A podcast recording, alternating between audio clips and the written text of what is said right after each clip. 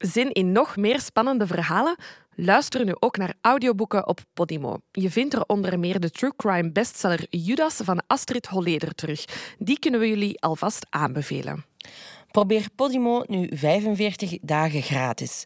Met het abonnement Premium Plus krijg je onbeperkte toegang tot audioboeken en podcasts. Luister gratis naar luisterboeken op Podimo. Probeer het nu 45 dagen gratis. Surf naar podimo.nl slash volksjury voor deze speciale aanbieding. 3, 2, 1.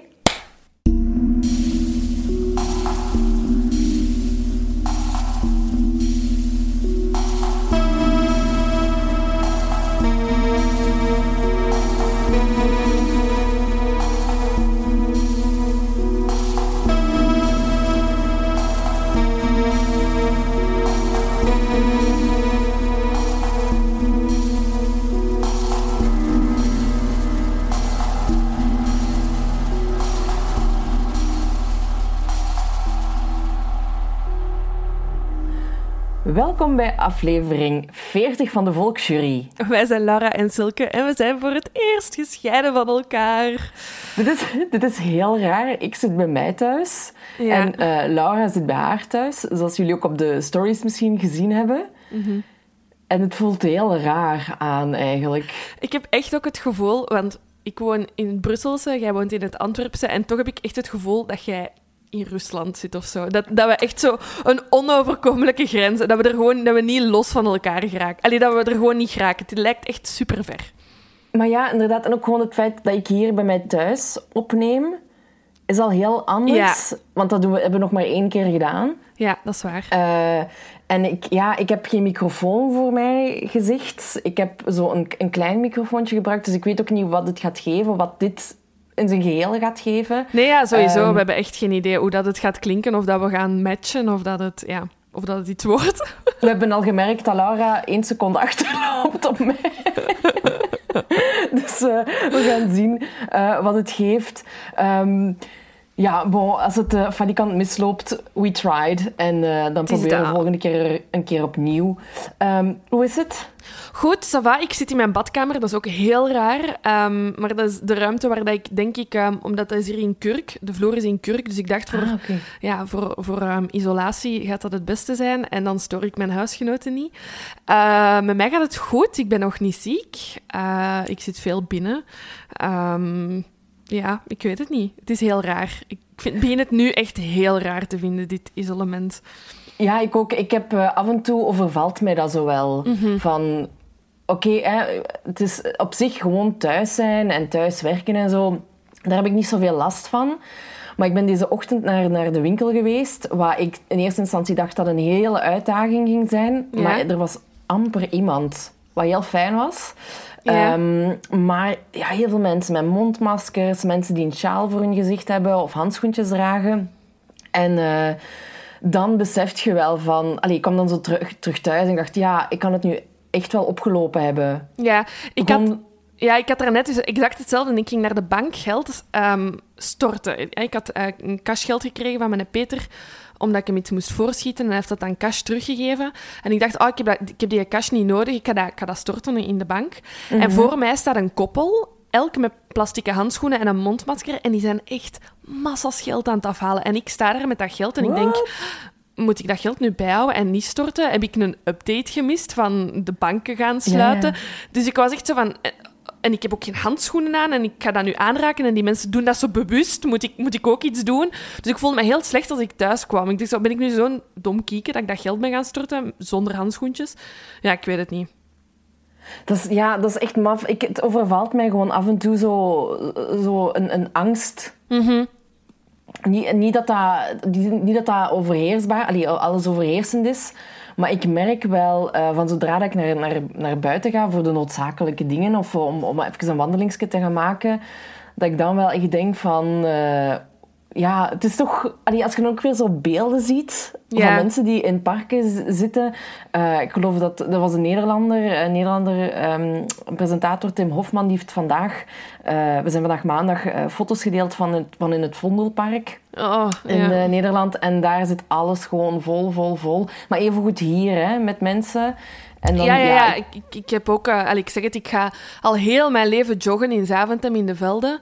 En um, ik kom daar nooit zoveel volk tegen als nu. Het is echt ongelooflijk hoeveel mensen ineens ja, de natuur opzoeken. Wat dat enerzijds schoon is, want ook, allee, op zich houden alle mensen zich aan de regels. Ze zijn altijd met twee of, of allee, twee mensen met hun kindje of zo. Dus het is niet dat... Maar toch, dat voelt zo... Je, voelt je direct heel gestrest van, van zodra je heel veel mensen rond je ziet. Ja, absoluut. Ja, het is ook gewoon niet, niet fijn. Hè. En allee, ja, weet wij zitten nog thuis... Te, allee, technisch werkloos uh, ja. momenteel. Maar er zijn mensen die het dan weer veel erger hebben en zo. Dus allee, eh, die mensen die, die geen job hebben en zo. Maar het is allemaal... Ja, ik snap dat mensen naar buiten willen, hè, maar ja, blijf is, in ja. uw kot. Ja, echt blijf binnen. Ik denk ook dat het niet lang meer gaat duren voordat we ook niet meer zomaar naar buiten gaan mogen. Nee, ik denk, ik had gelezen dat het een cruciale week is voor ons in België. Ja. Dus ik denk dat we, als het nu niet da gaat dalen langzaamaan, dat we dan wel echt uh, ja, in een, in een uh, 100% lockdown gaan zitten. Dus laat ons hopen dat deze opname super vlot loopt, zodat wij kunnen blijven doorgaan. Maar ja, dit, dit schept ook mogelijkheden voor de toekomst. Hè. Stel dat we eens een keer moeilijk kunnen meeten of zo in de toekomst, dan kunnen we dit nog altijd doen als het goed loopt. Um, maar ik merk nu toch al dat ik liever gewoon bij u zit. Ja, ik ook. Ik mis u echt. Ik voel mij, nu voel ik mij echt ook nog een hardere creep. Ik heb dan vandaag helemaal alleen mijn research gedaan en ik wist dat ik u dan niet ging zien. Dus daar straks aan tafel was ik tegen mijn broer en mijn lief dan zo wat over de zaak aan het praten en die waren echt zo, stop, dit, bel met Silke. Ik zei, maar ik ga straks skypen, maar dat is niet hetzelfde. En ik wou er gewoon even zo met iemand over praten en zijn reactie, of, of, haar reactie, dan direct zien of zo. Maar ja, bon, dat, het werkte niet. Nee, zullen we er, moeten we nog iets... Uh, hebben we nog nieuwtjes verder? Moeten we nog iets Ik wil iedereen bedanken voor jullie enorme, enorm veel reacties op de laatste aflevering. Ik denk ja. ook... Um, allez, het is super fijn om te horen dat jullie toch iets aan ons hebben in deze tijden. Um, Dus dat was heel fijn. Uh, dat wou ik gewoon nog even zeggen. Um, en ook uh, jullie leuke reacties ook op onze uh, tips dat we hebben gedeeld. ja, ik vond dat heel fijn. Dat, dat, heeft me er echt wel wat doorgetrokken. Oh, okay. geven en nemen, hè. Ja, geven voilà. en nemen. Zo gaat dat. Voilà. Zullen het, het, blijft, het blijft nog even wennen. Ja. Ik denk dat we er wel door geraken hoor, tot op het einde. Ik hoop het wel, ik hoop het wel. Ja, ja. Komt goed, laten we beginnen. Ja, dus de zaak van vandaag is... Um, ik zou het eerder op het slachtoffer willen focussen. Ja, sowieso. Dat is uh, de zaak van de Nederlandse René Hartenveld. Um, en ik zou eigenlijk niet niet een korte briefing willen geven waarover de zaak gaat. Ik zou eigenlijk gewoon hup, er meteen willen invliegen. Um, zodat, we, ja, zodat we de spanning een beetje kunnen opbouwen of ja. zo. Ja, nee, dat is een heel goed idee. Dat lijkt me een hele goede insteek. En ik ben ook inderdaad heel blij dat we vanuit uh, het slachtoffer vertrekken dat toch echt heel anoniem is in deze zaak. En dat vind ik heel spijtig. Ja, inderdaad. Want ik heb heel weinig over haar gevonden, mm -hmm. over René. Uh, wat ik wel echt heel jammer vind. Want er, er wordt echt gefocust op de dader. Ja. En dat vind ik altijd moeilijk. Mm -hmm. vind, uh, de, je merkt dat ook bij, bij uh, de zaken over, allee, over Ted Bundy en zo, waar nu heel veel films over worden gemaakt. En het is precies alsof die slachtoffers allemaal ja, een beetje naar de achtergrond verdwijnen. Hè, terwijl ja. zij wel echt de slachtoffers zijn. Um, dus dat miste ik een beetje in deze zaak. Ik heb echt gezocht, maar ik heb heel weinig informatie over haar gevonden. Ja. Um, misschien dat dat ook een keuze was van de familie. Hè. Ja, dat denk ik wel. Ik heb um, een kort um, interview, maar dat is dus echt voor op het einde dat ik dat wil uh, vermelden. Ja. Een kort interview met haar familie gelezen. Um, ja, schrijnend gewoon. Dat wel. We zullen er gewoon aan, aan yes. beginnen. We zijn uh, 13 juni 1981 en uh, we bevinden ons in het Parc Bois de Bologne in Parijs. Ja. En uh, dat is eigenlijk het bekendste park in Parijs. Dat is heel groot, gigantisch. En dat bevindt zich in het uh, 16e arrondissement van de stad, voor mensen die Parijs een beetje kennen. En uh, ja, er is een koppel dat s'avonds nog een wandeling maakt in dat park. En ja, die merken opeens waar rare dingen op. Er stopt een, een taxi waaruit een volgens hen Aziatische man stapt, die nogal klein is en fragiel lijkt. En die neemt twee heel zware koffers uit de koffer van de taxi. Ja. En die vertrekt. Uh, de taxi vertrekt. Um, en die man sleept die koffers. Ja, dus hij is eigenlijk afgezet aan de rand van het park. En hij stapt met die koffers, ja, twee zware grote koffers, um, richting de vijvers van het park. Hè. Dus het uh, Bois de Bologne heeft verschillende uh, vijvers en, en, en stromingen. en die sleept die twee koffers naar de, de, ja, de rand van het water eigenlijk. Um, en hij begint, hij doet een poging om die koffers um, ja, in die vijver te gooien. Maar dan voelt hij zich, ik, of denk ik, voelt hij zich bekeken en um, krijgt, hij, krijgt hij het koppel in de gaten eigenlijk dat hem, um, ja, dat, dat allemaal aan het aanschouwen is. Uh, het koppel zit hem panikeren. Uh, hij laat de koffers voor wat ze zijn. Hij, legt, hij laat ze half in het water, half aan de oever uh, op de grond liggen en hij is weg. Ja, en ja, dat koppel is wel heel erg nieuwsgierig naar wat dat er in die koffers zou kunnen zitten. Want ja, ze denken, allee, volgens mij van, ja, waarom zou je die toekoor in het water willen gooien? Daar moet dan toch wel iets in zitten wat niet kosher is. Uh, en ja, ze, ze checken en met wat dat ze zien in de koffers, uh, ja, bellen ze meteen eigenlijk de politie. Hè. Um, en de politie komt meteen ter plaatse. En ze zeggen eigenlijk meteen van, ja, pas op wat, wat hierin zit, want ja, het is echt ja, het is vreselijk. Dus er zijn twee koffers en in de eerste koffer zit het torso van een jonge vrouw. En in de tweede koffer uh, zitten haar ledematen en haar hoofd. Um, en ze gaan meteen eigenlijk een autopsie uitvoeren. En daaruit wordt duidelijk dat ze met een, uh, ja, met een schot in de nek om het leven is gekomen. Um, er, er, ontbraken delen van haar van, nee, eh, vlees, eigenlijk, om het, om het zo maar te zeggen. Um, ja. En van, zo, zowel van de bil als het bovenbeen. En ook een tipje van haar neus uh, was weg. Ja, en er was ook in haar borst strik gesneden. Ja. Um, ja. En ja, de politie is eigenlijk slim, goed. Ze ondervragen het koppel en dat koppel vertelt dan effectief van ah ja, we hebben die mensen uit een taxi zien stappen. Mm um, dus die nacht beginnen, begint eigenlijk de politie van, uh, van Parijs uh, alle taximaatschappijen af te bellen en te vragen van uh, kunnen jullie jullie chauffeurs contacteren en vragen wie dat er een um, waarschijnlijk Aziatische man um, heeft opgehaald en heeft afgezet aan het park met twee grote koffers. En eigenlijk vrij snel is er een taxichauffeur ja, die de beschrijving herkent. Um, en die zegt van ja, ik, uh, ik geloof dat ik uh, ja, de man heb vervoerd die dat jullie zoeken. Um, en hij geeft dan het adres uh, waar hij die man heeft opgepikt. Ik heb dat trouwens opgezocht, dat adres op, op Google Maps. Want het is ja. Rue Erlanger, Dieze. Mm-hmm. dat is in een, een, heel chique wijk, eigenlijk vlak bij het park. Um, het is ook een heel mooi appartementsgebouw eigenlijk, waar dat, uh, waar dat die man woont die ze aan het zoeken zijn. Um, en ja, ze, ze gaan daar horen hè, en er blijkt dus maar één man van Aziatische afkomst te wonen in dat appartementsgebouw. En die huurde daar eigenlijk een studio op de tweede verdieping. Um, maar ze waren nogal op hun hoede, de politie, toen ze gingen aankloppen. Want ze wisten van, oké, okay, die vrouw is met een nekschot om het leven gekomen. Dus ze moeten echt oppassen. En ja, dan... Ja, ja ik denk, ik, nee, ja, ik denk dat ze inderdaad um, direct zoiets hadden van... Oké, okay, ja, hier woont iemand Aziatisch, dat is mogelijk. Die heeft een geweer, uh, die heeft een vrouwenlichaam in stukken gesneden en in twee koffers. Dus ik vind dat wel, ik vind dat wel ook zot dat ze alsnog zo snel gewoon zijn... Want dat is wat ze uiteindelijk hebben gedaan. Ze, zijn, ze hebben gewoon aangebeld aan het appartement. Ja. Uh, en de verdachte heeft gewoon open gedaan. Ik vind dat echt gek. Ik kan me dat zo ja. niet voorstellen dat je met zo'n zware feiten als politie durft aan die bel te duwen en zoiets hebben van ja, oké, okay, die gaat open doen en, en die gaat ons misschien iets aandoen. Ik vind dat echt, dat moet echt, die adrenaline, dat moet echt maf zijn. En wie doet de deur open? Is zij... Ja, zeg maar, sorry. Oh, voilà, kijk, hier hebben we het al. Er doet inderdaad een Aziatische man open. Ja. Um, en uh, ja, ik, ik zou ze nu eigenlijk al willen voorstellen. Ja, doe maar. Ja? Ja.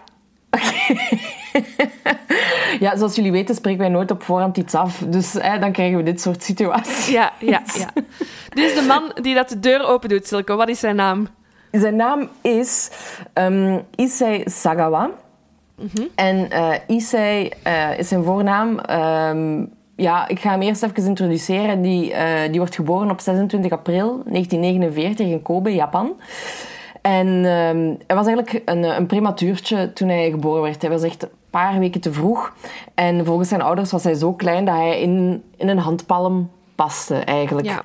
Ja, en hij had Ehm, eigenlijk vanaf de geboorte, hij is inderdaad te vroeg geboren. Hij heeft dan ook ehm, een, een ehm, ziekte aan zijn ingewanden opgelopen, waarvoor hij veel medicatie heeft moeten krijgen als kind. Ehm, en ja, het was een beetje een sukkeltje. Hè. Ehm, hij is altijd heel klein gebleven.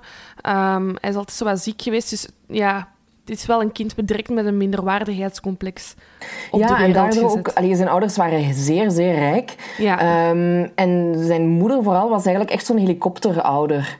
Omdat... eh, ja, ze wou hem constant beschermen, net omdat hij zo fragiel was. Hij was altijd zo klein gebleven.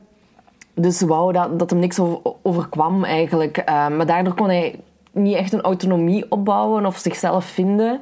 Omdat zij altijd zo over hem bleef hoveren. Ja. Ehm, en hij was eigenlijk ook heel erg verlegen, heel awkward. eh, had amper vrienden. Ja, maar eh, hij had amper vrienden, dat is waar. Maar hij was toch hij was geen ongelukkig kind. Eh, hij had een hele goede band met zijn broer en met de rest van zijn familie. En hij ging ook heel graag naar school. Ja, ondanks klopt. het feit dat hij dus ja, daar niet echt vrienden had, ehm, was hij wel gelukkig. Eh, hij was ook bijzonder intelligent. Hij was zeer geïnteresseerd in, ehm, in literatuur. Ehm, dus hij was eigenlijk ook niet ongelukkig op school. of zo. Hij, was wel, hij was wel echt, ja, toch wel een, ondanks zijn beperkingen, denk ik wel, toch wel een gelukkig kind. Ja, ik denk dat ook. Ja, allee, ja. Ik denk, hij was, hij was vrij alleen altijd, maar hij genoot er ook wel van om alleen te zijn, geloof ik. Ja, Hè? dat denk ik ook wel. Dat denk ik ook wel. Maar- goed, het gaat helemaal niet zo goed op een gegeven moment met, Nee. eh, met Issei. Ehm, want we zijn ondertussen in, eh, in 1972. Eh, en dan doet hij eigenlijk een eerste aanrandingspoging ehm, door binnen te sluipen bij zijn buurmeisje. Ehm, en hij had eigenlijk toen ook al ja, fantasieën om haar, om haar op te eten. Ehm, Ja, want dit is, dit is dus waar we naartoe aan het gaan zijn. ja, ja, inderdaad. We gaan er straks nog veel dieper op ingaan hoe hij daar tot, eh, tot toe is gekomen en zo. Ja. Maar we gaan even kort zeggen wat dat er al gebeurd is. En toen hij student was in, in Japan, eh, heeft hij daar een, een, een Duitse vrouw ontmoet. En hij raakte eigenlijk heel erg geobsedeerd door haar, omdat hij eigenlijk altijd al een, een soort voorkeur had ontwikkeld voor westerse vrouwen.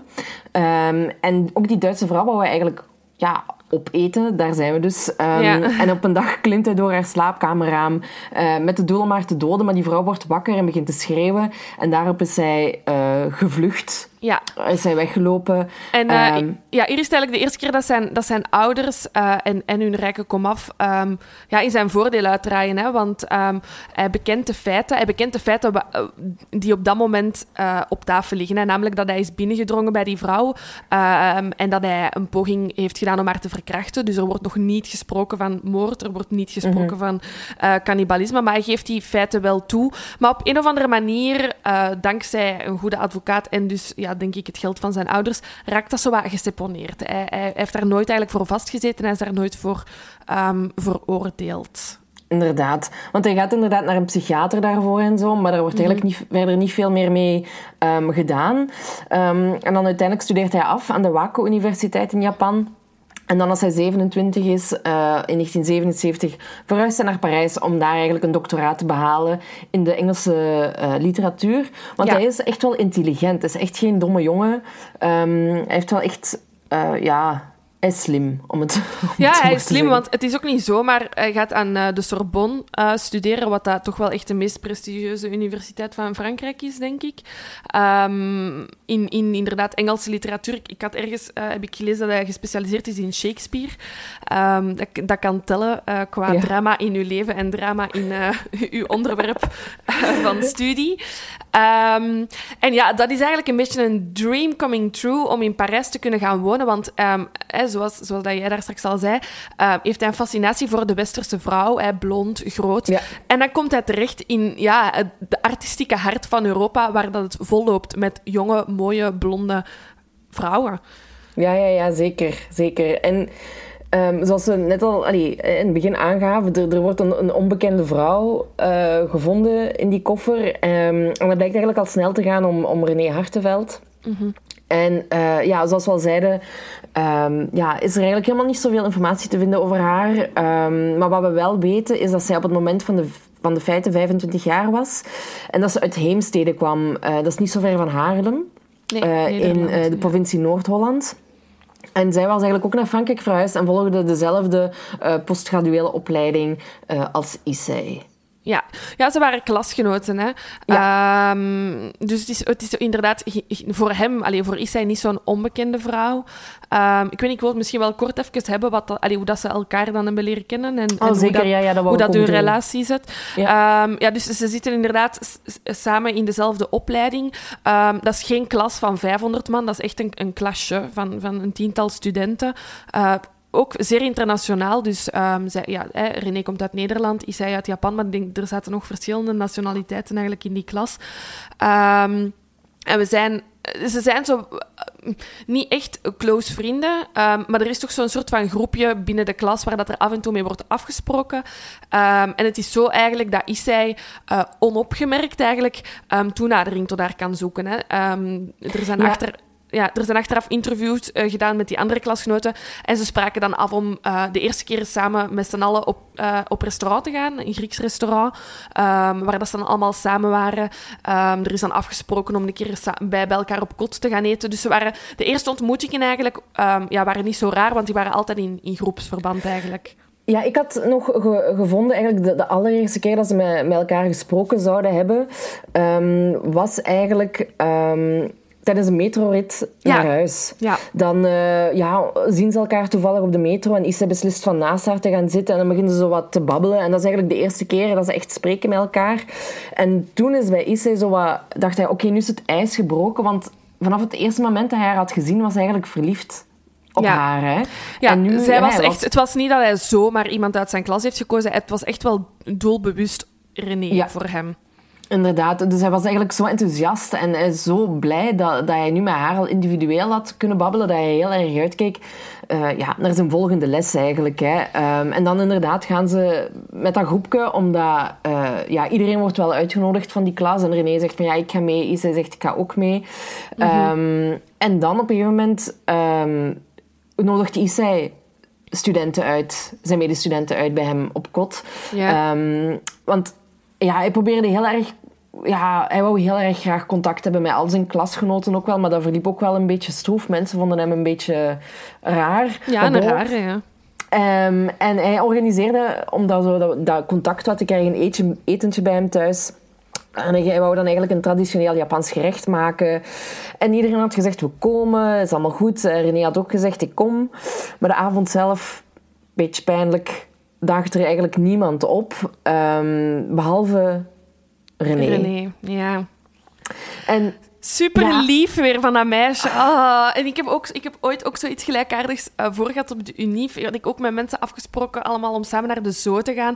En dan bleek, en nu ga ik die jongen doen afschilderen als een moordenaar. Dan bleek dat die, de jongen, een van die jongens, um, aan de rest had gevraagd om niet te komen, zodat hij alleen met mij kon gaan. En nu, nu, nu denk ik, oh my god, stel je voor dat ik ook in een soort van hinderlaag was gelopen. Je werd uiteindelijk niet gegaan dan? Jawel, ik ben wel gegaan, maar dat was zo gênant, want ik toonde echt nul interesse voor hem. Um, ja. Dus, en de zo is groot en je kunt is echt dat dezelfde heel jongen? laag... Wat zeg maar? Is dat dezelfde jongen als Coldplay van vorige aflevering? Nee, nee, nog een andere. Je hebt toch nogal wat harten gebroken. oh ja, sorry. oh. Nee, maar uh, ja, allee, René is dan daar bij, bij Issa het is eigenlijk best wel gezellig. Hè? Ze, ze babbelen een beetje, ja. Ja, en ook Issa, Issa weet wat, wat, zijn doel is. Hè. Hij heeft een doel voor ogen en dat is, hij wil eigenlijk het... Hoe dat hij het ook achteraf in interviews beschrijft is, en dit is echt super luguber en ik kan het echt niet begrijpen, maar hij zegt, voor, ja, voor mij is dat cannibalisme het summum van liefde. Hè. Ja. Um, als, ik, als, als eenderd wie verliefd is op iemand, wil je daar zoveel mogelijk bij zijn, je wilt die zoveel mogelijk aanraken, je wilt die geur vasthouden, je wilt die persoon proeven uh, door die te kussen. Um, en hij zegt, ja, voor mij is dat cannibalisme gewoon een stap verder. Dus gewoon voor mij... Allee, hij minimaliseert dat door te zeggen dat dat voor hem een volgende stap in de liefde is dat gewoon niet iedereen voelt. Toch creepy. Still creepy. Um, dus, en hij heeft dat doel voor ogen. Ook als ze, en, en, en dat moment dat ze dan ja, dat Japans uh, eten bij hem ging komen eten, dat overvalt hem, want hij had niet verwacht dat ze daar alleen gingen zijn. Dus hij twijfelt die avond eigenlijk al om toe te slaan. Um, maar het moment is daar en hij, allee, het is echt, hij kan ervoor gaan. En toch is er iets in hem dat hem tegenhoudt om het te doen. Ja, dat is toch wel bijzonder. Dat, je, dat is dan denk ik toch een moment van, ik weet niet, helderheid of zo in zijn hoofd, dat hij beseft, ik ben hier nu met die vrouw alleen. Ik kan nu iets doen wat ik wil doen, maar ik ga het niet doen. Nee, maar ja, dat is, dat is inderdaad... Daar moeten we het misschien straks nog wat meer over hebben, wat daar de beweegredenen achter waren of zo. Um, maar uh, het blijft niet bij dit etentje. Hè? Dus, nee. um, want Issa had gezegd van... Uh, of, of René had gezegd van... Ja, ik spreek meerdere talen, waaronder Duits. Ja. En Isa dacht meteen, ah, hier kan ik mijn slag mee slaan door haar meer uit te nodigen om tot bij mij te komen. Want ik wil graag ook poëzie in het Duits kunnen lezen. Ja. Um, dus wilt je mij Duitse lessen geven tegen betaling? En uh, René, die wat krab bij kas had, die zegt, ja, geen probleem, gaan we doen. Um, dus ja, ze komt eigenlijk voor die, voor die eerste les, een paar dagen later, opnieuw naar zijn uh, appartement. En opnieuw denkt Issa, nu ga ik mijn plan uitvoeren. Ja, en hij is ook goed voorbereid. Hij heeft al enkele dagen geleden een wapen gekocht, want hij heeft ook beslist, um, in zijn fantasie um, gebeurt dit allemaal uh, op, een, op een dode vrouw. Um, dus hij heeft ook zoiets van, ik ga die eerst vermoorden, ik ga die neerschieten. Uh, en pas dan ga ik, ga ik mijn fantasie beleven. dus hij heeft, dat, heeft dat wapen al. en op het moment, er is een moment dat, dat René haar rug naar hem staat, neemt hij dat wapen en richt dat op haar. Hij probeert te schieten, maar het lukt niet. Nee. Nee, en, en, uh, ja, en René heeft daar niks van gemerkt. Hè? Nee, hij heeft gewoon dat wapen terug weggelegd. Um, en is, uh, ja, is terug gaan zitten. Hè? Maar uh, ja, het is, het, is, het is maf dat je, dat, dat je dan toch zichzelf beschouwt als, als lafaard. Ja. Omdat hem het niet niet durft. Hè? Allee, of omdat het dan mislukt en hij er dan niet verder mee, mee doorgaat. Want ik denk dat dat van dat schot uh, bij de tweede les was. Dus uh, ah, ja, okay. dat, dat er bij de eerste les ook, uh, ook al iets, iets geprobeerd heeft of zo. Maar ja... Dat maar het is gewoon al de tweede keer en de tweede keer dat het niet lukt. Inderdaad. En ja, dan denk ja. ik, uw lichaam geeft u toch ook gewoon signalen dat dit niet oké okay is. Ik denk echt dat er een soort van tweestrijd op dat moment in zijn hoofd afspeelt. Zeker ja. doen of niet doen. En, en dat lukt gewoon niet. Nee, er zit nog een heel, heel groot verschil tussen de fantasie mm -hmm. en ook daadwerkelijk iets doen. Ja. Hè? Dat, dat merk je bij alle, zeg je de theorie, maar dan heb je ook de praktijk nog. En ik ja. denk ook dat hij ergens bang is van... Oké, okay, als ik deze fantasie nu uitvoer, dan is het ook voorbij. Want dan ja. heb ik het gedaan en dan... Ik weet niet of het hetzelfde gaat zijn als in mijn fantasie. Ja. En dan gaan we zelfs ook wel merken hoe dat hij daarop uh, reageert. Dus ik denk dat dat zo die, die, die tweestrijd bij hem is. Ja. Ja, ik, vind, ik vind hem zo'n moeilijk persoon om, om te volgen. Is heel, ja, het, is niet, het is helemaal niet typisch. Uh, kijk naar andere kannibalen of zo. Bij hem is het niet zo... Of, of moordenaars in, in, in dat opzicht van... Moordenaars moeten vaak de drang onderdrukken om niet te moorden. En hij moet wel ergens iets op, opwekken om wel te kunnen moorden. Ja, hij moet zichzelf echt zo ver krijgen om, zijn, om, om, om, om overgaan tot de daad. En ja, maar we, we zullen het er straks nog over hebben. Want okay, derde keer, ja. uh, derde poging eigenlijk. Um, Je weet wat ze zeggen, hè? Ja, derde keer, goede keer, maar ook niet, hè? Ah ja, bij mij was het wel de derde les. Was. Ah, sorry. Ik heb nog eens dat hij ook nog eens fysiek echt probeert te schieten met dat wapen, maar dat dat wapen blokkeert. Ah, ik dacht dat je dat net al had gezegd. Sorry, dan was ah, ik... Nee, ik, denk, ik dacht dat hij één keer, het, dus één keer niks heeft gedaan. één keer dat wapen op haar heeft gericht en dan ja. genegeerd. En dan een tweede keer dat wapen op haar heeft gericht. Ook weer achter haar rug. Heeft de, de, ja, de trigger heeft gepold, maar dat er niks is gebeurd. Ah ja, dat kan. Ja, het kan zijn dat ik er ergens eentje ben overgeslagen. Oh, oké, okay, dat, dat ik het door elkaar haal. Ja, anyway, dus dat wapen is sowieso ook één keer geblokkeerd. Dus ja, er is er, gewoon zelfs de, de, uw moordwapen zegt nee. Ja. Dat moet toch een teken zijn? Dat moet toch het lot Ja. zijn?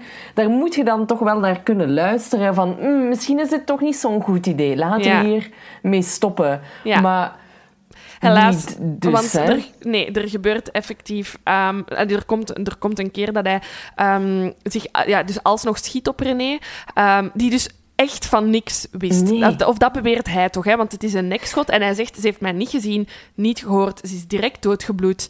Die heeft Ah, wel. niks geweten. dat was mijn bedenking ook. Van, hè, van het was een nekschot en ze heeft er niks van gezegd. Maar dat kan hij zeggen. Ik bedoel, we Ja. weten niet. We waren, niemand was daarbij op dat moment. Wie weet heeft hij haar super lang onder schot gehouden. Of weet Ja. ik veel. Ja. Ehm, we, we weten het gewoon niet. Maar hij heeft in ieder geval wel achter haar gestaan op het moment Ja. dat hij het schot eh, heeft gelost. Hè. Ja, het is Ehm, dus ook maar één schot, hè. één nekschot direct dood. Maf. Hij heeft wel gezegd later... ehm, dus alles wat dat Isai zegt, komt uit of interviews of uit zijn eh, verhoren trouwens. Ehm, en hij heeft later gezegd dat hij eigenlijk enorm ge- gechoqueerd was door het resultaat van wat dat hij gedaan had. Ja, ja, ja. Ehm, dat hij flauw viel. ja. Maar ja, bon, we weten ook niet of dat, waar is. Nee. Dat kan hij zeggen om medelijden op te wekken of om, Ja. om, aan te om, om te zeggen van ja, ik vond het eigenlijk wel echt allemaal heel erg hoor, wat ik had gedaan. Maar Ja, maar- niet hoe... Nee, het is dat. Maar hij beweert dus inderdaad dat hij is flauwgevallen. ehm, dat hij terug is wakker, allee, terug bij zinnen is gekomen. En dan zoiets als van, oké, kijk... eh, eerst heeft hij zelfs nog even gedacht om de ambulance te bellen. ehm, om, om, om, om haar zogezegd nog te redden of te zeggen dat er een ongeval is gebeurd. Maar dan had hij zoiets van, nee, oké, ik ben nu zo dicht bij mijn fantasie, nu moet ik ervoor gaan. Ja, Ehm, want hij, hij walgde ook eerst van zichzelf. Ja, hè? ja. Omdat hij dat had gedaan. Ehm, wat we net zeiden, hè, de moord en de, en de fantasie, dat zijn twee aparte zaken. Ehm, maar dat duurde eigenlijk helemaal niet lang, hè? want op een gegeven moment... En nu, ja, nu wordt het heel grafisch eigenlijk allemaal. Ehm, Ja, mensen die met kinderen aan het luisteren zijn, mensen die, eh, gaan, die flauwvallen als ze eh, een spuitje moeten laten zetten, ga even zitten. Ja. Ehm, want het is of, echt... of steek je kinderen even toch weg, vooral ik, kan, nu. ik kan echt tegen heel veel. ehm, en ik heb daar straks ehm, en een interview van hem gekeken, en artikels en crime scene foto's. En ik eh, kreeg kok, echt ik moest echt kokhalzen. Dus, Ik vond, ik vond het ook vreselijk om te doen. Ik vond het ook echt heel moeilijk, want ik had mijn research gedaan en ik, en ik wou eigenlijk ook nog naar, ook nog naar interviews kijken en zo. Eh, maar ik dacht, nee, het is... Ja, ik heb echt heel, ik heb heel veel spijt. Ik, allee, ik, ik heb heel veel spijt en ik heb de interviews opgeslagen zodat we ze kunnen delen voor de mensen die geïnteresseerd zijn. Ehm, maar het is echt een vies manneke. ja, ik ga er gewoon aan beginnen. Ja, go for it. We zien wel. Ehm, dus hij komt heel snel over die walging heen. En daarop doet hij zijn kleren eigenlijk... Allee, die kleren van René uit.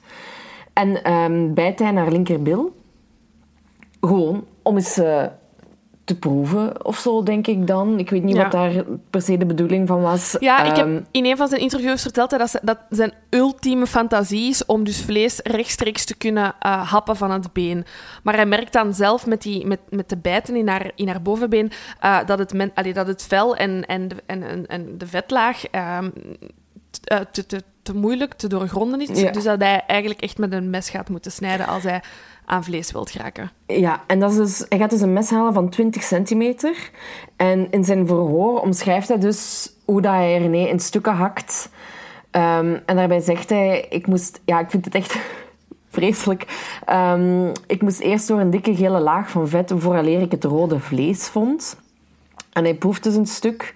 En dan zegt hij van ja, dat smaakte eigenlijk heel erg naar tonijn. Ehm, en dan heeft hij daardoor een erectie gekregen. En dan heeft hij nog een, een stuk van haar bovenbeen gesneden dat hij ook meteen op had. En dan heeft hij zichzelf uitgekleed en dan ehm, heeft hij dus necrofilie gepleegd. Ja, of hij- ja, Ja, hij heeft seks gehad met haar dode lichaam. ja is, eh, inderdaad. Ik wou het iets... ehm, Soms moet je de dingen benoemen met wat dat ze zijn, Silke. En ehm, ik, heb, ik had het ook zo opgeschreven en ik dacht, ik moet het anders... eh, maar je hebt gelijk, het, het is gewoon zo. En het, het, het maakt me weer duidelijk hoe gruwelijk dat zijn daden zijn. ja, inderdaad. Ehm, maar goed, ja, dus tot daar... Eh, hij, hij ziet dan dat opeens... Allee, plots komt hij tot het besef dat dat lichaam van René daar nogal heftig ligt te, te bloeden. En hij woont in een appartement. Ehm, dus dat is niet handig. Dat is niet praktisch. Ehm, dus ja, Isai moet eigenlijk zo snel mogelijk met een oplossing komen zodat, de- allee, eh, om dat bloed op te ruimen, om, om het lichaam van René op te ruimen. En dan het volgende gruwelijke deel ga ik nu overlaten. Laura. Ehm, ja, hij, ehm, hij beseft dat hij... Dat, eh, ik, ik hoop dat we het over hetzelfde gruwelijke detail hebben. Dat hij beseft dat hij dus ja, dan niet dat volledige lichaam gaat kunnen bijhouden. Ehm, Dus hij... en nu stel ik mij echt zo, ja, iets tussen, eh, en echt zonder dit in het belachelijke te willen te trekken, maar iets tussen een, eh, beul en een slager en een uh, sushi-meester voor, die ehm, de beste stukken vlees in zijn ogen ja. lossnijdt eigenlijk van het lichaam. hij pakt dat ook in in van dat papier. een deel daarvan stopt hij dus in de koelkast. Um, om te bewaren. hij heeft geen en, diepvriezer, trouwens. Nee, hij heeft, hij heeft geen diepvriezer. Um, hij heeft er ook echt niet over nagedacht. Hè, want dus hij bewaart dan delen in de koelkast, uh, waarvan hij weet dat hij ze dus niet rauw gaat kunnen eten, maar gaat moeten bakken. Dat doet hij ook. Hij bakt het vlees met peper, zout en mosterd. Uh, en hij vergelijkt het, uh, de smaak, um, en nu moest ik denken aan onze vorige aflevering, um, met varkenskoteletten. Ja. Wat, wat um, is er met die varkenskoteletten? Komt echt, altijd varken terug? Altijd, altijd. En dan voor de overige delen van haar lichaam beslist hij dus uh, om twee koffers te gaan kopen, twee grote koffers. en daar bergt hij ja, de rest van uh, René's lichaam dus in op. Um, en ja, dan zijn we dus aan het moment dat hij met die twee koffers zijn appartement verlaat en die gaat tumpen. Hij heeft trouwens uh, haar lichaam in, in zijn bad gelegd. Hè? En ja. daar heeft hij het in stukken gesneden. Hij heeft dus eerst haar benen eraf gesneden, daarna haar armen en dan nog haar hoofd. Mm -hmm. En daar heeft hij eigenlijk over verklaard um, bij, bij zijn verhoren dat, dat hij hier niet van genoot. Nee. Van het in stukken hakken van René. Dat was absoluut niet... Uh, dat nee, was niet zo tof, vond hij. Ik heb ook in een interview ge uh, gehoord, um, het interview dat ik heb gekeken, dat hij ook zei van, um, moest, als er een manier kon zijn om uh, cannibalisme uit te voeren op levende mensen, dat hem dat veel beter zou liggen. Uh, maar ik probeer hier echt gewoon niet te hard over na te denken. Ja. Um, dus uh, het gaat hem niet per se om de moord, maar dus het feit dat hij zo dicht, hè, wat ik daar straks ook al zei, dat hij zo dicht bij zijn geliefde wilt geraken door haar te proeven. Um, dus in een ideale wereld zou hij eigenlijk um, van vrouwen willen eten, maar dat die in leven blijven.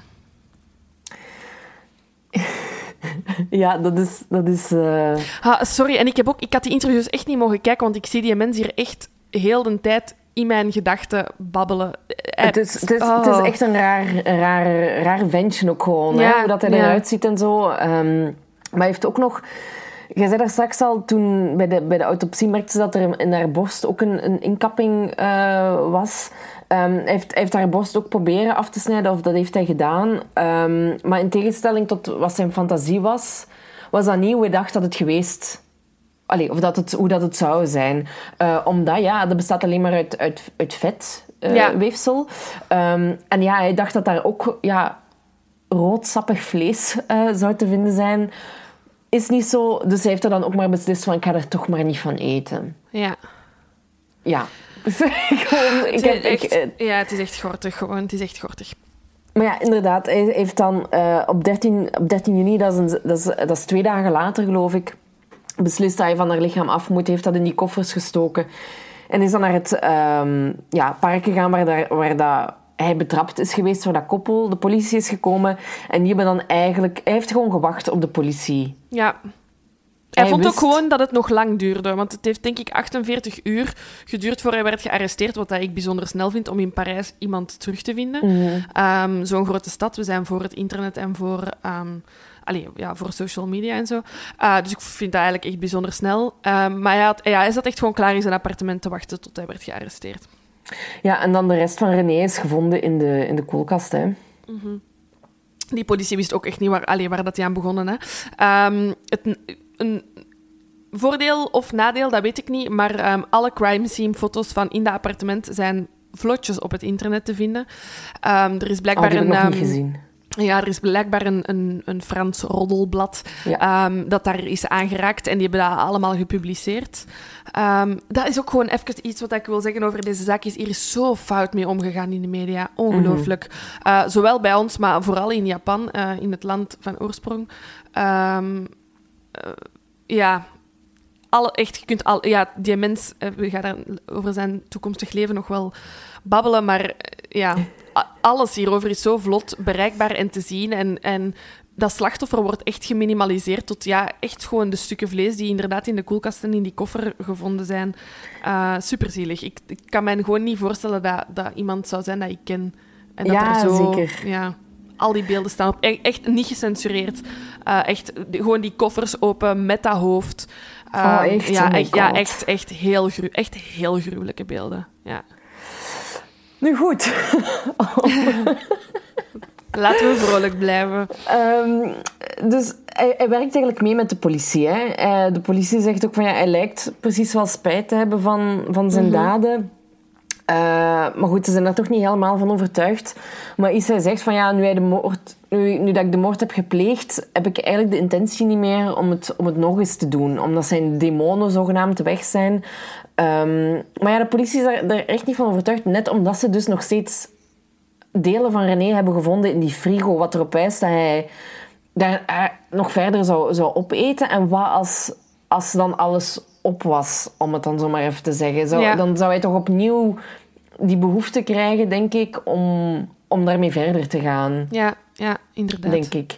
Nu, um, de vraag is dan een beetje... Allee, de politie heeft hem goed werk gedaan. Um, maar de vraag is dan van, ja, is hij toerekeningsvatbaar of ontoerekeningsvatbaar? Moet hij naar een instelling of moet hij naar de gevangenis? Um, ja, en, dat, is, ja, dat is een beetje anders dan bij ons. Hè? Want um, bij ons is zo'n zo'n vraag van toerekening, toerekeningsvatbaar en ontoerekeningsvatbaar is nog altijd iets dat bij ons in een rechtbank gebeurt. Ja. Um, er gebeurt een, een, een, politieonderzoek, dat wordt overgedragen hè, aan justitie. Um, en zo'n beslissing valt binnen een rechtbank. In het Franse systeem blijkbaar niet. Hè. Mm wordt er eerst beslist of dat je toerekeningsvatbaar of uh, niet toerekeningsvatbaar bent. En aan de hand daarvan krijg je ofwel een proces ofwel een psychiatrische behandeling. Ja. Um, en dat is denk ik een beetje wat er is fout gelopen in deze ja. zaak. Want er is nu er wordt een onderzoeksrechter uh, opgezet, Louis Bruguière. Um, en die besloot eigenlijk ook gewoon om naar Japan te reizen om te weten te komen waarom iets hij gedaan had, wat dat hij heeft gedaan. Ja. Dus hij, hij, hij, praat met, met de ouders van Isai, met zijn psychiaters en dokters. Um, en hij komt eigenlijk een paar dingen uh, te weten. Um, maar ook, ook wat ik nu ga vertellen komt ook voort uit, uit interviews en zo. Um, en, en, de, en de verhoren ook nog wel van hoe komt het nu dat hij een kannibaal is geworden. Hè? We hebben het er, er net al allee, in het begin een beetje over gehad dat hij al eerdere feiten heeft geprobeerd te plegen. Allee, of, of kannibaal te zijn. Um, maar voor Issei begon dat eigenlijk al toen hij, dat hij nog een kleuter was. Ja. Um, want zijn oom, Mitsuo, uh, die verkleedde zichzelf tijdens, als ze zo'n nieuwjaar uh, vierden, als een mensetend monster en zat achter de kleine kinderen aan. En de vader van Issei, Akira, die verkleedde zich dan als ridder. En hij moest dan zogenaamd de kinderen redden. Maar als puntje bij paaltje kwam, was het altijd het monster dat won. En die nam dan de kinderen mee om in een heel grote kookpot te steken. En dat werd ook letterlijk gedaan. Hè. Die, ja. En zijn broer die werden ook echt in een gigantische pot gestoken. Um, ze vonden het leuk, maar ze waren ook tegelijkertijd bang. En ja, ja snap ik ook wel. Allee, die, die verkleden zich echt als, als monster en als kleuter. Denk ik dat dat wel echt ja, traumatisch kan zijn hoor. Ja, ik heb ook zo. Mijn, mijn vader was ook heel goed in het vertellen van, uh, van, van zo wat enge verhalen. Um, en mijn, mama lag daar nu nog altijd mee. Um, dat mijn papa zo'n um, een leren handschoen waarmee hij, dat hij leren soms aandeed. En dan werd dat de zwarte hand genoemd. En dan, als we stout waren in, allee, thuis, dan deed mijn papa die handschoen aan. En kwam hij achter de zetel. De zwarte hand komt jullie opeten. Maar dat is iets dat zit wel echt nog altijd super levendig in mijn geheugen. Dus ik kan er mij wel iets bij voorstellen dat dat inderdaad zo lachend en spelend wordt gebracht, maar dat het ook wel een klein beetje traumatisch is als ja, kind ja, ja. of zo. Want uh, maar ik vind natuurlijk... Ja, sorry. Ik vind het natuurlijk ook heel makkelijk van hem om dit als excuus te gebruiken waarom zeker, hij kannibaal is Zeker, want zijn broer is geen kannibaal geworden, nee. hè, as far as we know, uiteraard. Maar het, het zet wel een soort van basis voor wat dat er later, allee, hoe dat hij opgroeit en hoe hij daarmee omgaat. Um, want het begint eigenlijk ook al bij de sprookjes die hij las. Hij ging heel erg ja. op zoek naar sprookjes uh, waar, uh, met verhalen waarin dat in mensen echt werden opgegeten. Zoals Hans en Grietje, zijn favoriet. Hè, met de heks die vet gemest wordt. Of ik, ik weet het niet meer zo goed uh, mm -hmm. ja. hoe dat het zit. Um, en ja, terwijl hij eigenlijk een puber wordt wordt, ja, wordt die, die, die fascinatie um, ja, wordt dat gemixt met zijn seksuele bewustwording eigenlijk. Ja. Hè? Um, dus ja, het, het, het groeit een beetje door. Hij, allee, hij, hij ontdekt dan als hij ouder wordt. Um, stopt hij met het lezen van, van die sprookjes, maar dan gaat hij andere literatuur ontdekken, ja. meer westerse literatuur, um, waarin dat hij eigenlijk uh, de, de, de witte vrouw beschouwt als een soort van engel. De westerse witte Ja. vrouw is voor hem een, een engel. En daar ontstaat die, ja, ik ga het zo benoemen, een fetish voor hem. Ja.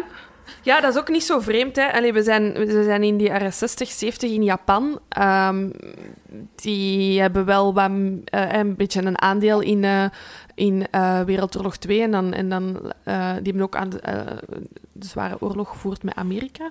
Ehm, en, en ik ben zelf in Japan geweest en die hebben... En jij bent ook in Japan geweest. Ehm, ik ben niet op wereldreis geweest in Japan, maar ik ben daarvoor in Japan geweest. Maar jij bent ook in Japan geweest en die Ja. hebben wel een fascinatie voor het westerse. Ehm, dus dat is zeker geen vreemde ehm, fascinatie. Ja, bij hem is natuurlijk een beetje doorgeslagen. Hè. Ehm, maar inderdaad, hij, hij heeft, hij creëert in zijn hoofd een soort van ideaalbeeld. Ook, ehm, ergens heb ik gelezen dat hij ehm, dat echt zijn, het, het summum van, van, van zijn droom eh, Grace Kelly is. Klopt, ja. Wat dat ook voor heel veel mannen in die tijd het summum van een vrouw was. Hè. Een, zeer, een zeer knappe, blonde vrouw. Ja, Want- en, en... Nee, zeg maar. Ja, nee, ik wou gewoon over Grace Kelly zeggen dat, dat volgens Issa zijn eerste ejaculatie gebeurde terwijl dat hij aan Grace Kelly dacht. Oké. Ehm, en, en ja, hij, hij, hij is ook heel erg fan van eh, Renoir. De, Ja. de Franse eh, impressionistische eh, kunstschilder. Omdat Renoir ook bepaalde vrouwen schilderde. Ehm, en hij vroeg zich eigenlijk af hoe dat hun huid voelde en hoe dat het zou smaken.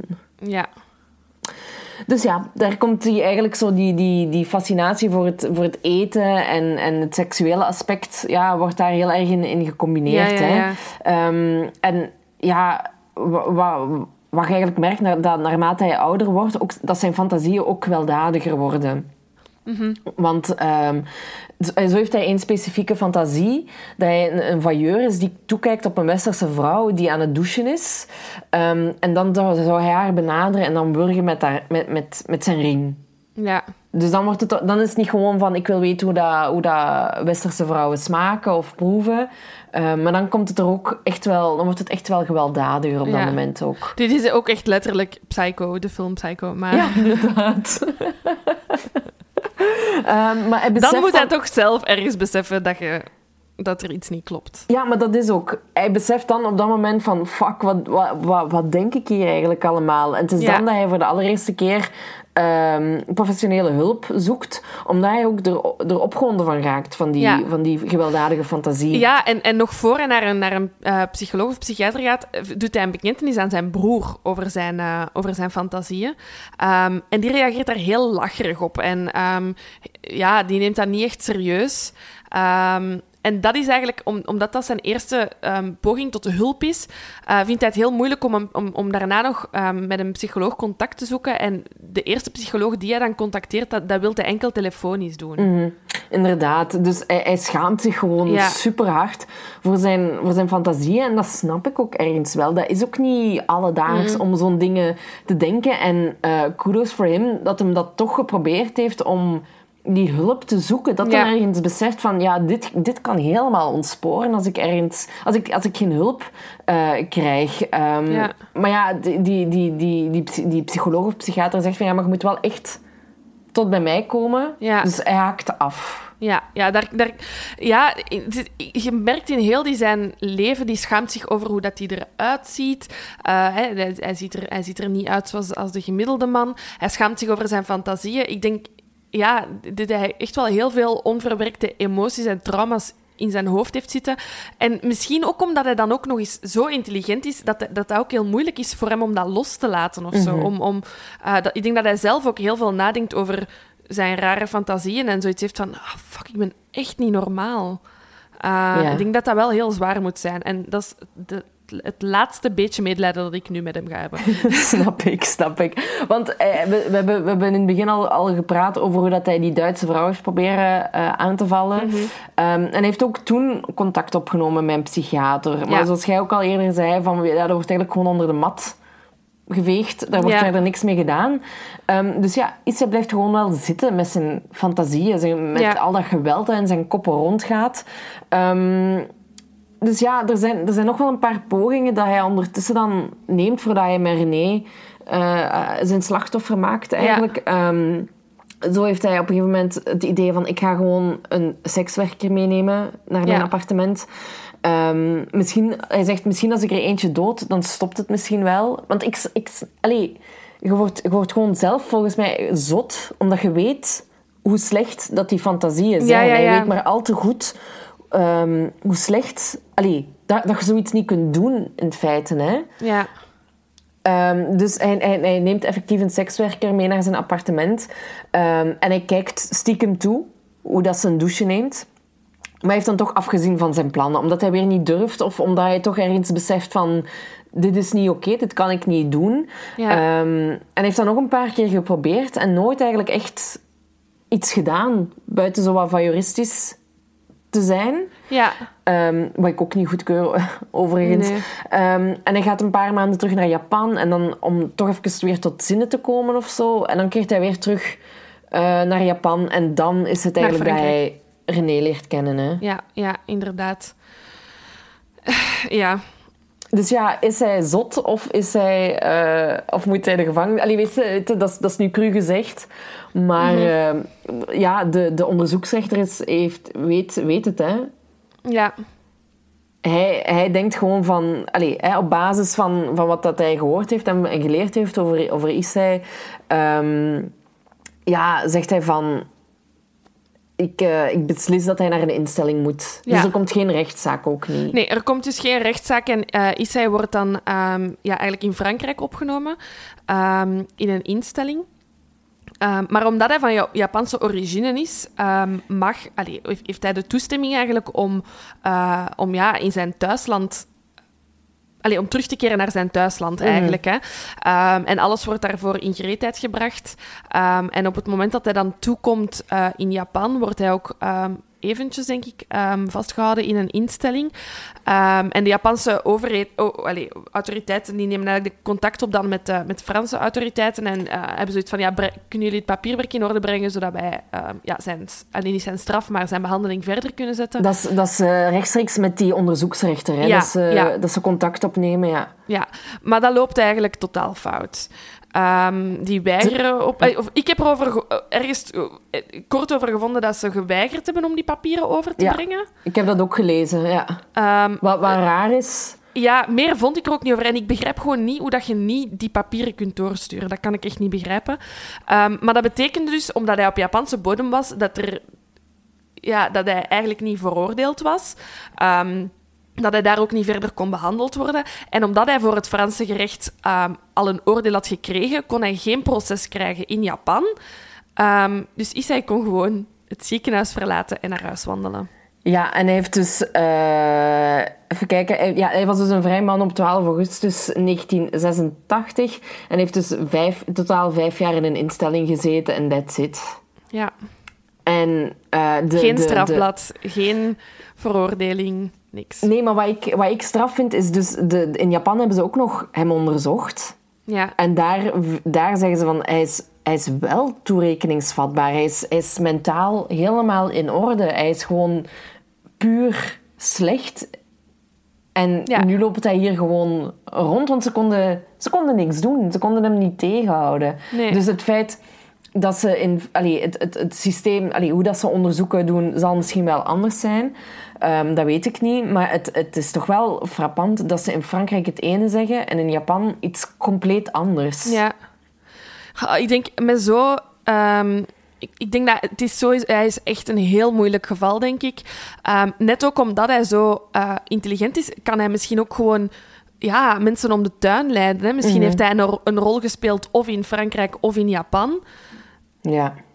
Ja, je weet dat niet. Ehm allee, ik, ik zeg het, ik baseer mij nu puur op de interviews die ik met hem heb gezien.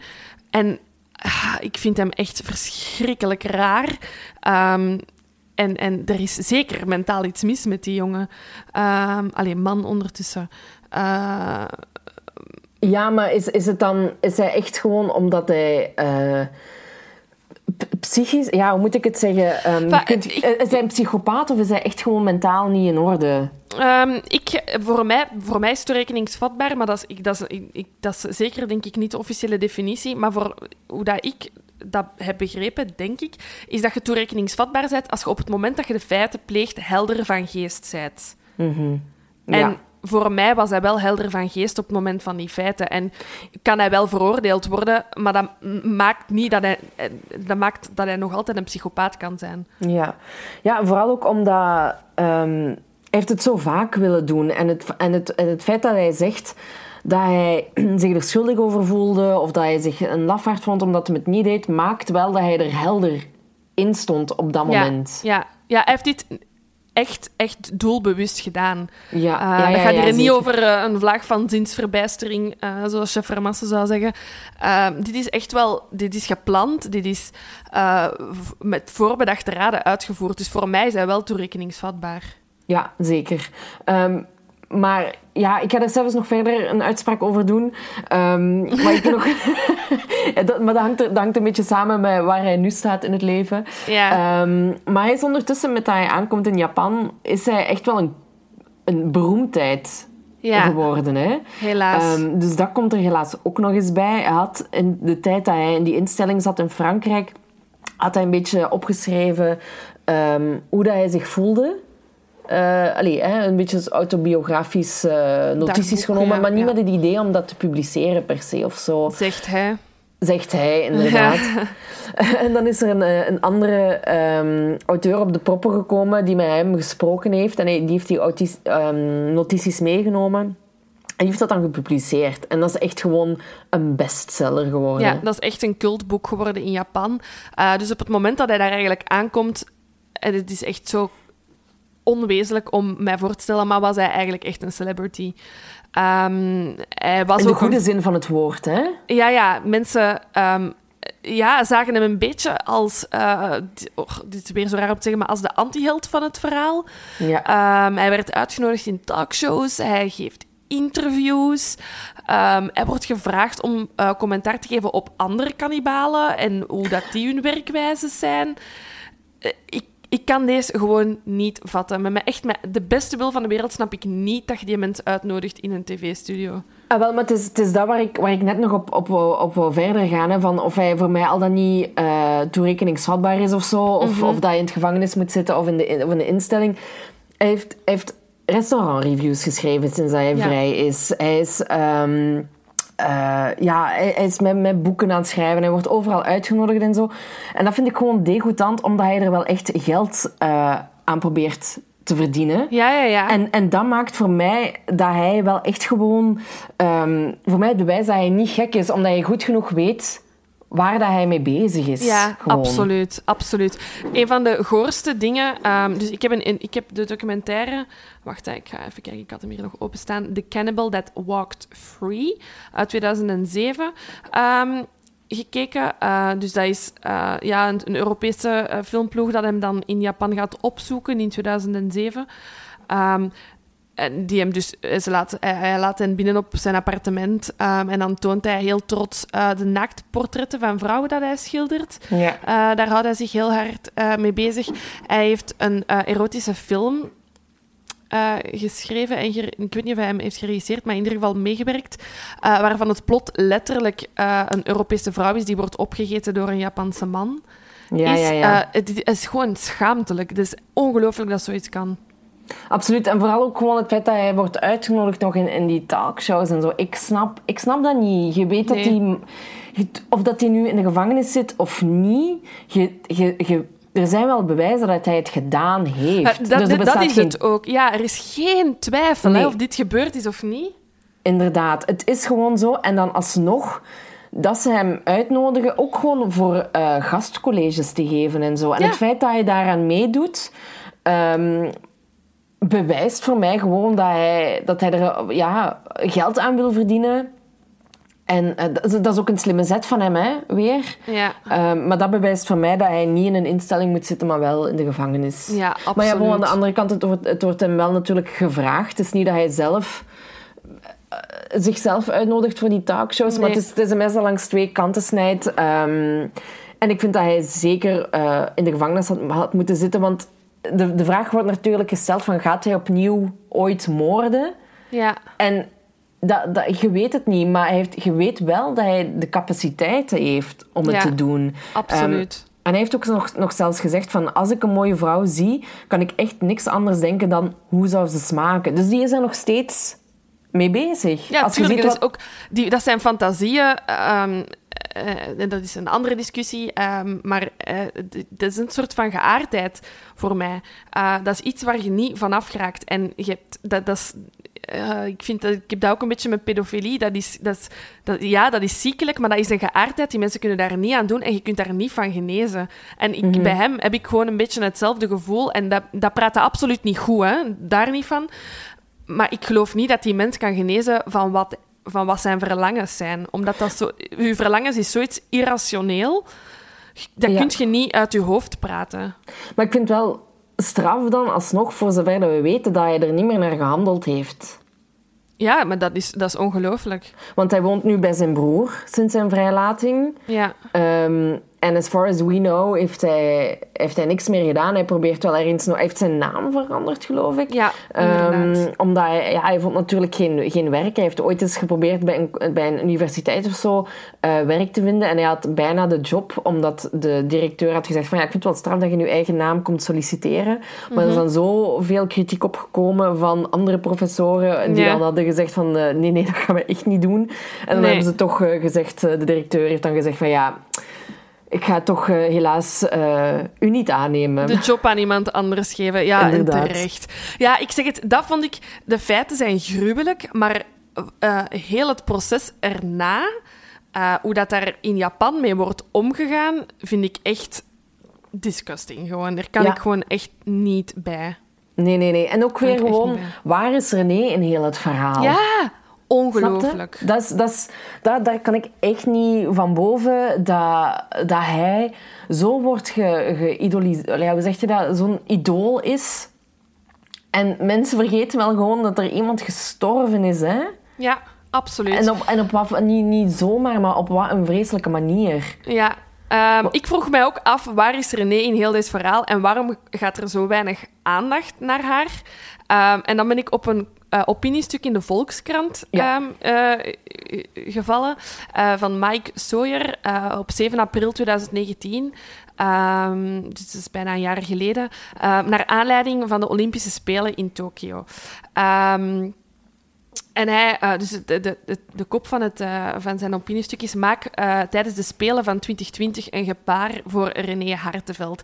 En dat is dus een heel schoon opiniestuk over het feit dat, dat, ja, dat zij absoluut. ehm, ja, vergeten is in dit hele verhaal. Ehm, en dat, dat, dat ze de Spelen in Tokio moeten aangrijpen om, om, om zeker wat meer aandacht ehm, aan haar te geven. Ehm, maar dat is zowat een van de enige krantenartikels dat ik over Ja. deze hele zaak gevonden heb van de Nederlandse pers. En daarmee beschuldig ik de Nederlandse pers niet, want ik, allee, ik, ik heb ook begrepen dat de ouders er inderdaad zo weinig mogelijk mee geconfronteerd willen worden. En daar heb ik alle respect voor. Maar dat weegt echt niet op tegen al die fucking interviews op de Japanse tv. Maar ook in, Ehm, de- in de westerse, eh, westerse wereld zijn er zoveel interviews met hem mhm. Ja, over, over hoe dat nu met hem gaat. En dan denk ik, fuck off. Ja. Ik snap, dat, is, weet je, dat is ook weer die fascinatie. Ik snap dat, wij hebben dat ook. Maar Mhm. je hebt ook wel, dit is wel echt gewoon die man op een voetstuk zetten. En dat Ja. gaat gewoon veel te ver. Ik had veel liever veel meer over René verteld ehm, in deze aflevering. ja Ehm, absoluut. dat wil ik wel even duidelijk maken. De, en dat is allee, een goed recht natuurlijk van die familie om, ehm, om die informatie niet te verspreiden. Maar eh, het, het, het maakt wel duidelijk hoe krom dit verhaal is eigenlijk. Ja. ja, en ik zeg het, allee, op het internet, je vindt zoveel foto's en filmpjes van hen. Er is één super vage foto van René dat ik heb gevonden. En dan denk ik, god man, dat kan toch niet? Dat, ja, die mens, die leeft, die leeft, die zijn inkomen bestaat uit een moord dat hij heeft gepleegd. Dat kun je je toch niet Ja. voorstellen? Nee, nee, nee. nee. En er is onlangs zelfs nog een documentaire verschenen hè, over Ja. hem in 2018. Eh, die heet Kaniba. Ik heb hem niet gezien, eh, nog niet. Ehm, en de, ik heb een artikel gelezen van, eh, uit de Nederlandse pers waarin dat de halve broer van René reageert. En ja, die reageren natuurlijk uitermate furieus op die documentaire. En, hij- en die zeggen van ja, het heeft geen zin om er tegenin te gaan. Ehm, hè, dat, dat ze blijven met hem babbelen eigenlijk. En dat hij blijft verschijnen uh, op beeld. Uh, want het wordt toch allemaal toegestaan door de wetgever. Uh, maar het hoeft voor hen ook niet, niet meer opgerakeld te worden. Um, dus ja, ik heb, ik heb, deze aflevering maken is ook een beetje dubbel voor mij hoor. Ja, Want ik. Ik, ik, heb, ik heb dit pas gevonden nadat, ja, nadat we alles geresearched hadden. En toen dacht ik, ja, moeten we hier dan een, een aflevering over maken? Maar ik wil het dan eerder graag als, als toch als een soort van eerbetoon ja. zien aan, aan René. Um, en er echt wel duidelijk aan maken dat er meer aandacht aan, aan haar mag besteed worden. En dat ja, ik het wel echt een grote schande vind dat hij zo in de picture aan uh, het, wordt aan gezet. Het, aan een slachtoffer überhaupt. Hè. Ik, vind al, ik, vind het, um, ik heb altijd heel veel bewondering voor, voor uh, de pers als, als, als die vanuit een, een, een misdaad vanuit het slachtoffer vertrekken. Um, hoewel je altijd... Ik zeg het, ja, ook zo al die details en mensen niet kikken daar niet echt op, maar dat is, mensen willen dat dan ook weten en hoe dat dan is gebeurd en hoe dat het juist zit. En um, ja, elke keer als, als je aan hem het woord, als je aan Isai het woord gaat laten, gaat hij daar altijd interessant en, en, en, en uitgebreid over willen vertellen. En mensen gaan daar naar blijven kijken. Um, mm-hmm. Maar ja, ik zeg het, de naam van het slachtoffer valt gewoon amper in heel Inderdaad. deze ja, um, ja, mediastorm rond hem. Nee, ja, en het, het, het, het, enige wat ik nog wil zeggen is dat um, de Belgische uh, kunstenaar Luc Tuymans ook een paar uh, portretten heeft gemaakt van uh, Issei. Vond Ja. ik wel apart. Die heeft ook een, een documentaire over hem gemaakt, gezien, sorry, en was daardoor geïnspireerd eigenlijk om, um, om een kunstwerk te maken. Ja, ja en um, dat brengt mij inderdaad hè, bij um, cultuur dat um, rond hem is gemaakt. Uh, er zijn ook uh, twee uh, best wel bekende nummers geschreven over de zaak. Too Much Blood van de Rolling Stones um, uit 1983 gaat over hem.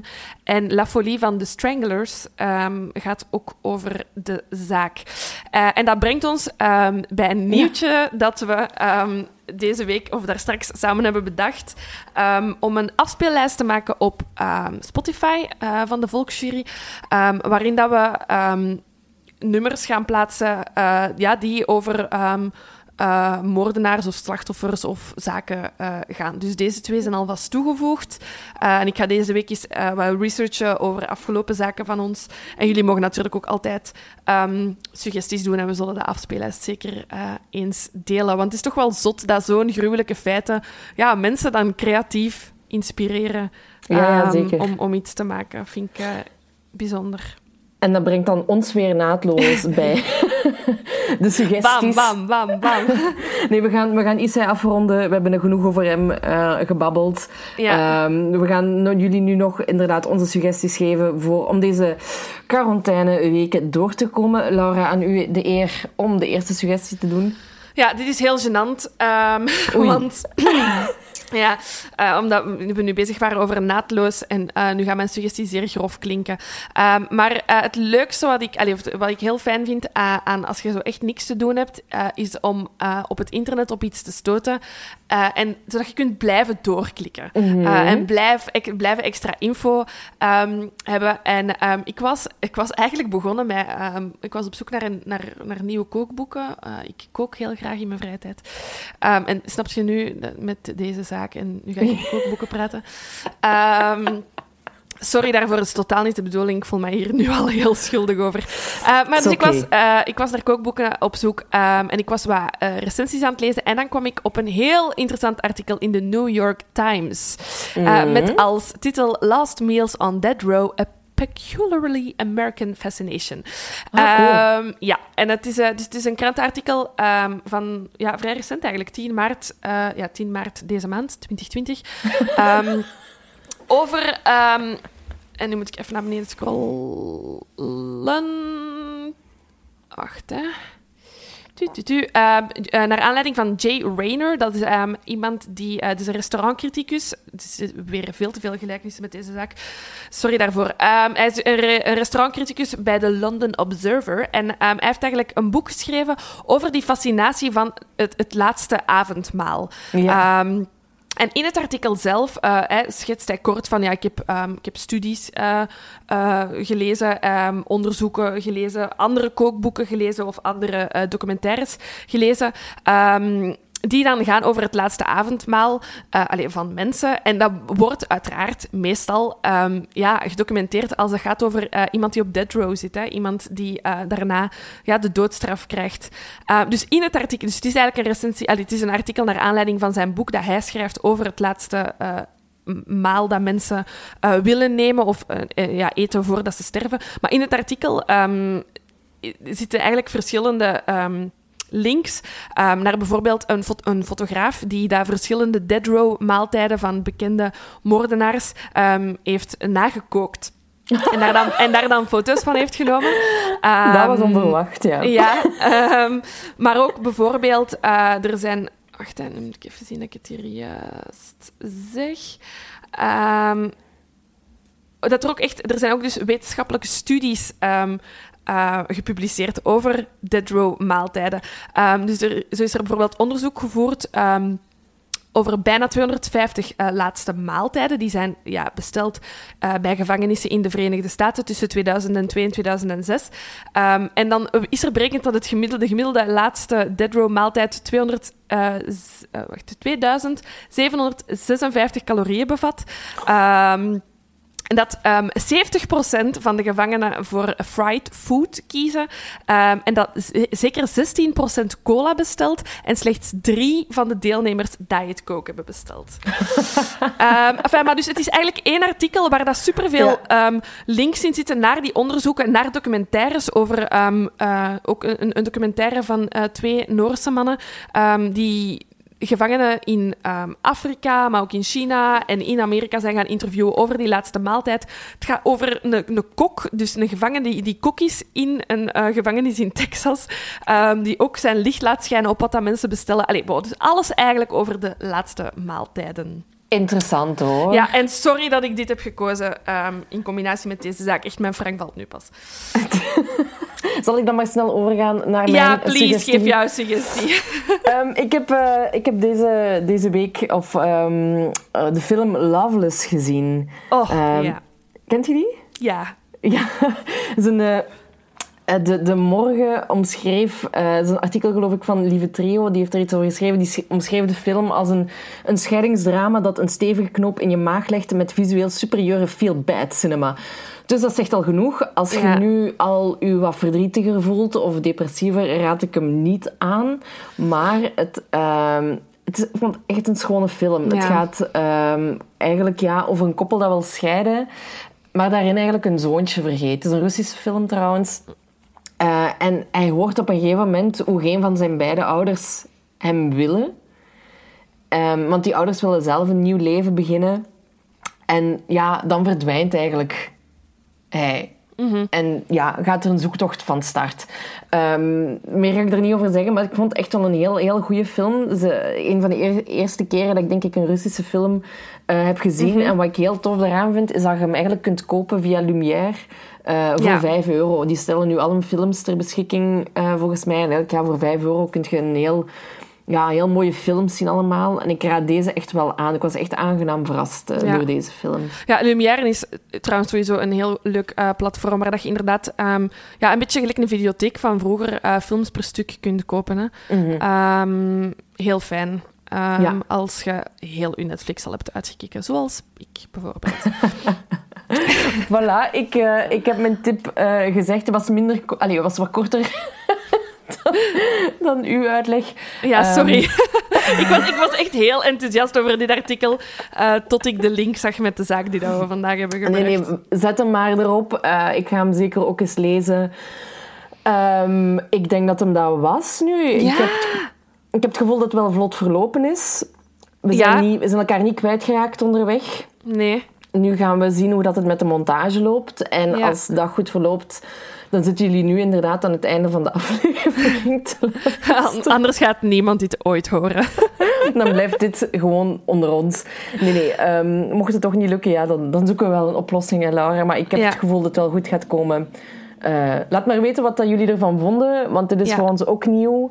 Ja, en um, vergeef ons, hè. Uh, misschien gaat de kwaliteit niet super goed zijn, of inderdaad gaan we soms over elkaar hebben gepraat uh, zonder dat we het weten. maar we willen gewoon echt content blijven maken voor jullie in deze barre tijden. Voilà, goed. Succes nog allemaal. Hou goede moed. Ja, En eh, ja, we zien elkaar eh, of horen elkaar weer eh, binnenkort. Hè. Ja, goed. Bye bye. Laura, salutjes hè. Salut. Dit is zo raar. Nu wil ik u een knuffel geven en dat gaat helemaal niet. Virtual hug. Ah. Ah. Doei, dag. Bye.